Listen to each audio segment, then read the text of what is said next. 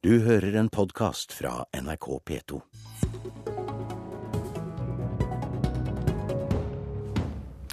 Velkommen til Politisk kvarter, Trygve Slagsvold Vedum. Takk for det. Hvem trenger overskrifter når man har Senterpartiets kommende leder i studio? Nei, men det, er jo, det er jo en veldig viktig sak når man skal velge ny leder i et uh, parti som har betydd mye norsk politikk. I, det har vært det partiet som har styrt Norge nest lengst etter andre verdenskrig, så jeg skjønner at det er en god sak for Politisk kvarter. Fredag sa du ja. Uh, føler du deg ønsket?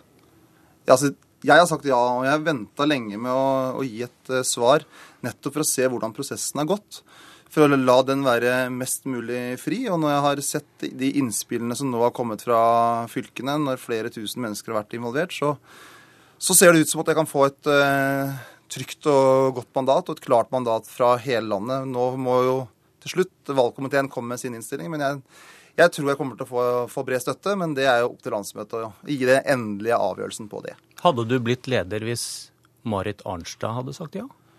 Jeg er veldig glad for at jeg har Marit Arnstad i Senterpartiet. For hun er en dyktig, flink politiker, en strateg. Og jeg, det å ha henne med i stortingsgruppa, det er en Hører stor du at du styrke. svarer på et annet spørsmål enn jeg stilte Ja, men det var uh, helt greit òg. For poenget mitt er at vi skal bygge et uh, godt lag i det her partiet. Og vi trenger mange personer som er dyktige. Og Marit er en av de som kommer til å bli en hovedspiller i det laget som skal jobbe fram mot 2017. Du føler deg ikke som et andrevalg? Jeg føler meg ikke sånn. Altså, jeg, har, jeg, har, ikke sånn natur heller. da. Altså, naturen min er at man skal ta de oppgavene man, man får, gjøre jobben skikkelig og ikke gå så se seg sjøl i speilet hele tida. Ok, Men apropos din natur, da. Hva, hva, gjør deg egnet som partileder?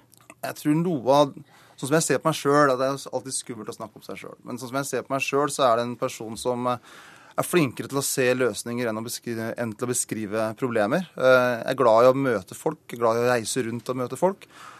Og så er jeg ikke den som skaper mest konflikt eh, rundt meg sjøl i hverdagen, men jeg tør å være veldig tydelig i politiske debatter.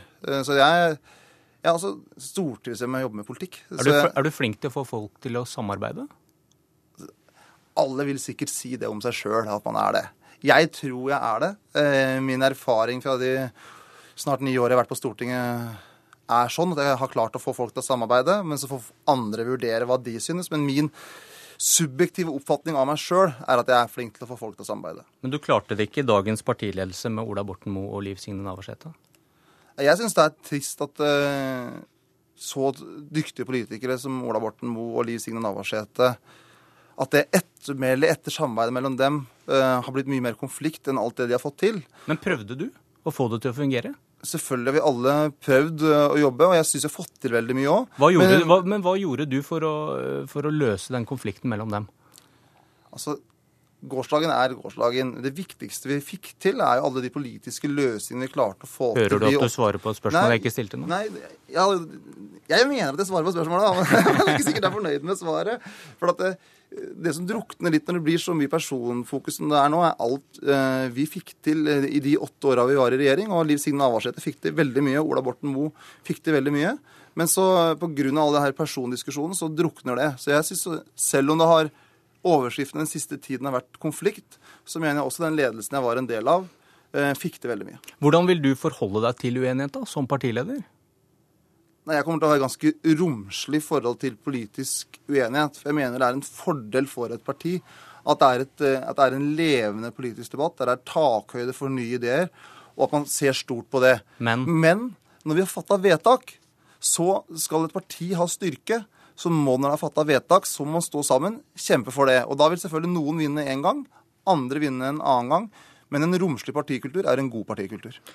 Har Ola Borten Moe gått over den streken du nå satte mens dere har sittet i ledelsen sammen? Altså, alle gjør vi feil. Altså, det gjør jeg, det gjør Ola Borten Moe, det gjør Liv Signe Navarsete. Og det er en del av det å jobbe i det intense miljøet som toppolitikken er. Borten... Hører du at du er i utkanten av å svare på det jeg spurte om nå? Ja, jeg, jeg, skjønner at jeg, du mener det. Men jeg mener at Ola Borten Moe har selvfølgelig gjennom å ha vært statsråd over mange år, vært stortingsrepresentant over mange år og vært nestleder over flere år, blitt spurt og stilt spørsmål på mange ulike ting. At han noen ganger har sagt andre ting enn det jeg er enig i, det er en del av den politiske debatten. Hvor, hvor vil du sette grensen da for den høyttenkingen som du sier du setter pris på, hvis du får Ola Borten Moe med i ledelsen din? For det er vel en av hans forser, at han faktisk tenker høyt? Jeg syns jo det er bra eh, at politikere tenker høyt og er trygge på det. Eh, så det er jeg helt sikker på. Eh, uansett hvem som blir valgt i den ledelsen, så kommer vi til å klare å få til det på en god måte. Steinar Næss, tidligere generalsekretær i partiet ditt, påstår at kretsen rundt Borten Moe forsøkte på et kupp mot Navarsete. De, de ville fjerne henne. Vil du vite om det er sant eller ikke? Altså, det som graver rundt det der, har jeg ingen behov for. Altså, Mitt behov er å jobbe med politikk. Da vil vel dette bare ligge og gjære? Sånne alvorlige påstander mot en som du kanskje skal ha med deg i ledelsen? Nei, jeg tror ikke det kommer til å gjøre det. Altså det, det, det, vil bli, I en sånn valgprosess som flere tusen mennesker har vært involvert i, så blir det en del sterke følelser. Og spesielt når det har skjedd på den måten at det er et ekstraordinært landsmøte, så vil det bli en del sterke følelser. Men det har vært en åpen prosess. Alle lokallag har hatt mulighet til å gi innspill. Fylkeslag har hatt mulighet til det. Og så skal valgkomiteen komme med sin innstilling, og landsmøtet ta sitt valg. Og ingen kan si i etterkant at ikke alle røster har kommet til ordet. For er det noe som den prosessen her har vært prega av, så har, er det i hvert fall vært mange røster. Men denne dokumentasjonen som man påstår har, den, den vil du ikke se? Men det blir ord mot ord. Uh, og jeg har ikke noe behov for å lete i det som skjedde i fjor høst. Poenget mitt er å se framover, jobbe framover. At vi skal samle partiet om å jobbe for grønne byer, levende distrikt og mindre forskjeller i Norge.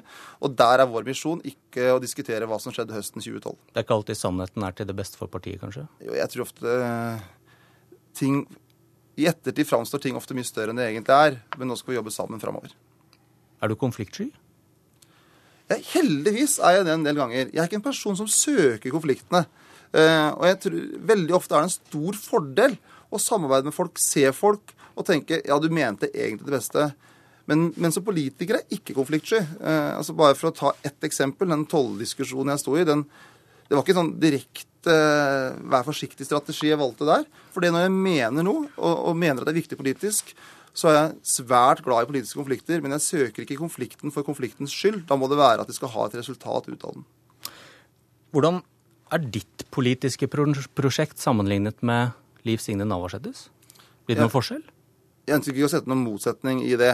Men det som jeg mener er Senterpartiets politiske prosjekt, er at vi er et parti for grønne byer, levende distrikt og små forskjeller. Et parti som ser hele landet og ser at det er en fordel for byen. At ikke veksten er for sterk, at vi klarer å lage barnevennlige byer, samtidig som vi da har levende distrikter, levende bygder med gode velferdstjenester og arbeidsplasser spredd rundt i hele Norge. Håper du på et elendig jordbruksoppgjør? Nei, selvfølgelig gjør jeg ikke det. For politikkens mål er jo resultatene. Men dessverre har vi nå en regjering som fører en nedbyggingspolitikk for norsk matproduksjon og en sentraliseringspolitikk for norske bygder. Senest i forrige måned, der de har varsla en avgiftsøkning på nesten en milliard kroner for mange distriktsbedrifter. Så regjeringa har dessverre valgt én kurs, og det er å forsterke forskjellene både mellom folk og også mellom landsdeler. Men hvis de får til et like godt jordbruksoppgjør som Senterpartiet gjorde i regjering, hvordan vil det se ut? Altså, Jeg håper jo det, at de får til det. Uh, og da, og da trenger vi ikke Senterpartiet, da? Jo, det, altså, det, det er ingen tvil om i diskusjonen om norsk matproduksjon hvem som er den tydeligste røsten der. Hvem som tør å hevde interessene, også i møte med, med EU. Noe av det første den nye regjeringa gjorde, var å reise ned til Brussel og si unnskyld, unnskyld for at den forrige ministeren sto for norsk matindustri, for norske bygder, for norsk matkultur. Det er helt uhørt. Det er ingen annen regjering. Tenk hvis en fransk minister hadde reist ned til Brussel, eller reist opp til Brussel og sagt unnskyld, unnskyld for at den forrige regjeringa sto for, for franske arbeidsplasser. Det er jo helt utenkelig. Så det at Senterpartiet er der, er en tydelig røst og står opp for vår kultur, vår matindustri, det er helt nødvendig. Du, hvem vil du samarbeide med inn mot neste stortingsvalg? Altså, I Stortinget nå så er jo de partiene som vi har mest fellesskap med, det er Arbeiderpartiet, KrF, SV og deler av Venstre. Og Det er der vi vil finne løsningene. Eh, og I mange saker, som f.eks. i klimaspørsmål, så er det der løsningene er. I forhold til om vi skal ha en norsk matproduksjon, er det der løsningene er. Og utfordringen ligger i at vi har en regjering som er langt til høyre for det som er stortingsflertallet. Men ligger det i det du sier nå at du ønsker å gjerne utvide den rød-grønne flokken litt, og så gjør det kanskje ikke noe om SV detter av igjen der? Ja, men nå er vi i opposisjon. Vi er godt fornøyd med det samarbeidet vi hadde med Arbeiderpartiet og SV i regjering. Nå har vi en friere rolle i opposisjon. Og klart Da må vi jo samarbeide med de partiene vi ser at vi kan få felles løsninger med. Og der er jo Arbeiderpartiet og KrF, eh, Venstre og SV. Alle er, de, alle er partier som vi kan få løsninger med, og da må vi samarbeide med de, uavhengig av at vi samarbeider tettere med bare Arbeiderpartiet og SV i forrige periode. Et sentrumsparti kan jo da per definisjon kanskje samarbeide til begge sider. Kan, kan Senterpartiet sitte i regjering med Høyre en gang i framtiden? Altså, eh, Politikken endrer seg, så hva som skjer langt i framtida, det skal ikke jeg sitte og si noe om nå. Men eh, dagens uh, Høyre og den starten den nye regjeringa har hatt, viser jo at liksom, hovedsaken deres, som f.eks. å slå sammen kommuner også med tvang, det er en motpol til det Senterpartiet står for. Og det er jo innholdet i politikken som er det viktige. Og da ser vi nå at vi får gjennomslag for flere saker sammen med f.eks. Arbeiderpartiet og KrF enn vi får med Høyre. Inn mot landsmøtet så står kampen om ikke deg, men nestleder Ola Borten Moe. Eh, vil du advare mot kampvotering? Nei, Det er jo partidemokratiets eh, privilegium. At hvis man ikke gjennom prosessen eh, har blitt enige, så er det til sjuende og sist landsmøtet som bestemmer.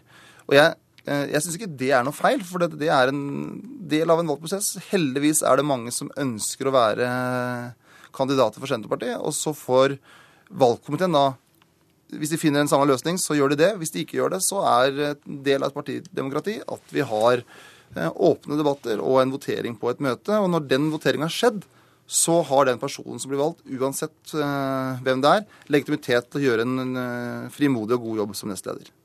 Takk, Trygve Slagsvold Vedum. Velkommen, politisk kommentator i NRK, Lars Nehru Sand. Hva taler for at Trygve Slagsvold Vedum blir en god leder for Senterpartiet? Han er en person som kjenner partiet godt gjennom mange år og fra ulike vinkler. Mange har kjent han tilbake fra sin tid som leder av Senterungdommen. Men han har vært nestleder, jobba med partiprogrammet og, eh, for inneværende periode, og kjenner dermed eh, det litt brokete Senterpartilandskapet landet rundt ut fra deres innspill i den prosessen. Og så har han en nødvendig statsråderfaring som har gitt han den eh, helt avgjørende tyngden han trenger for å gå løs på dette vervet. Hva taler mot? For mange av de som ikke er kritiske til han, men avventende til eh, Slagsvold Vedum, så frykter man at han blir for lett og har for liten pondus i type partilederdebattsettinger og sånn, hvor det å kjenne sitt eget parti ikke er nok. Eh, og så blir han jo valgt som sin forgjenger eh, ikke helt etter planen og på et ekstraordinært vis. Er han et andrevalg? For noen så er han jo det. Ikke i den forstand at det er så mange i Senterpartiet som er mot Trygve Slagsvold Vedum, men det er ganske mange som i større grad er for Marit Arnstad og føler seg tryggere på hennes politiske pondus. Eh, men eh, de har tillit til at eh, Slagsvold Vedum er den beste gitt dagens forutsetninger. Det er ofte interessant å se på hovedpersonen som sitter og ser på bli, at han blir kommentert, og foreløpig har han steinansikt, for å si det sånn. Eh, du, Lars Nehru Sand, vil Senterpartiets politikk endre seg? Med det han har sagt i dette intervjuet, så er det vanskelig å se at han tydelig eh, definerer et politisk prosjekt for sin lederperiode av partiet, som får oss til å se på Senterpartiet med helt andre øyne enn det vi har gjort eh, de fire eller åtte siste årene. Blir det endringer i hvem de samarbeider med? Vi hørte han snakke om det her i stad.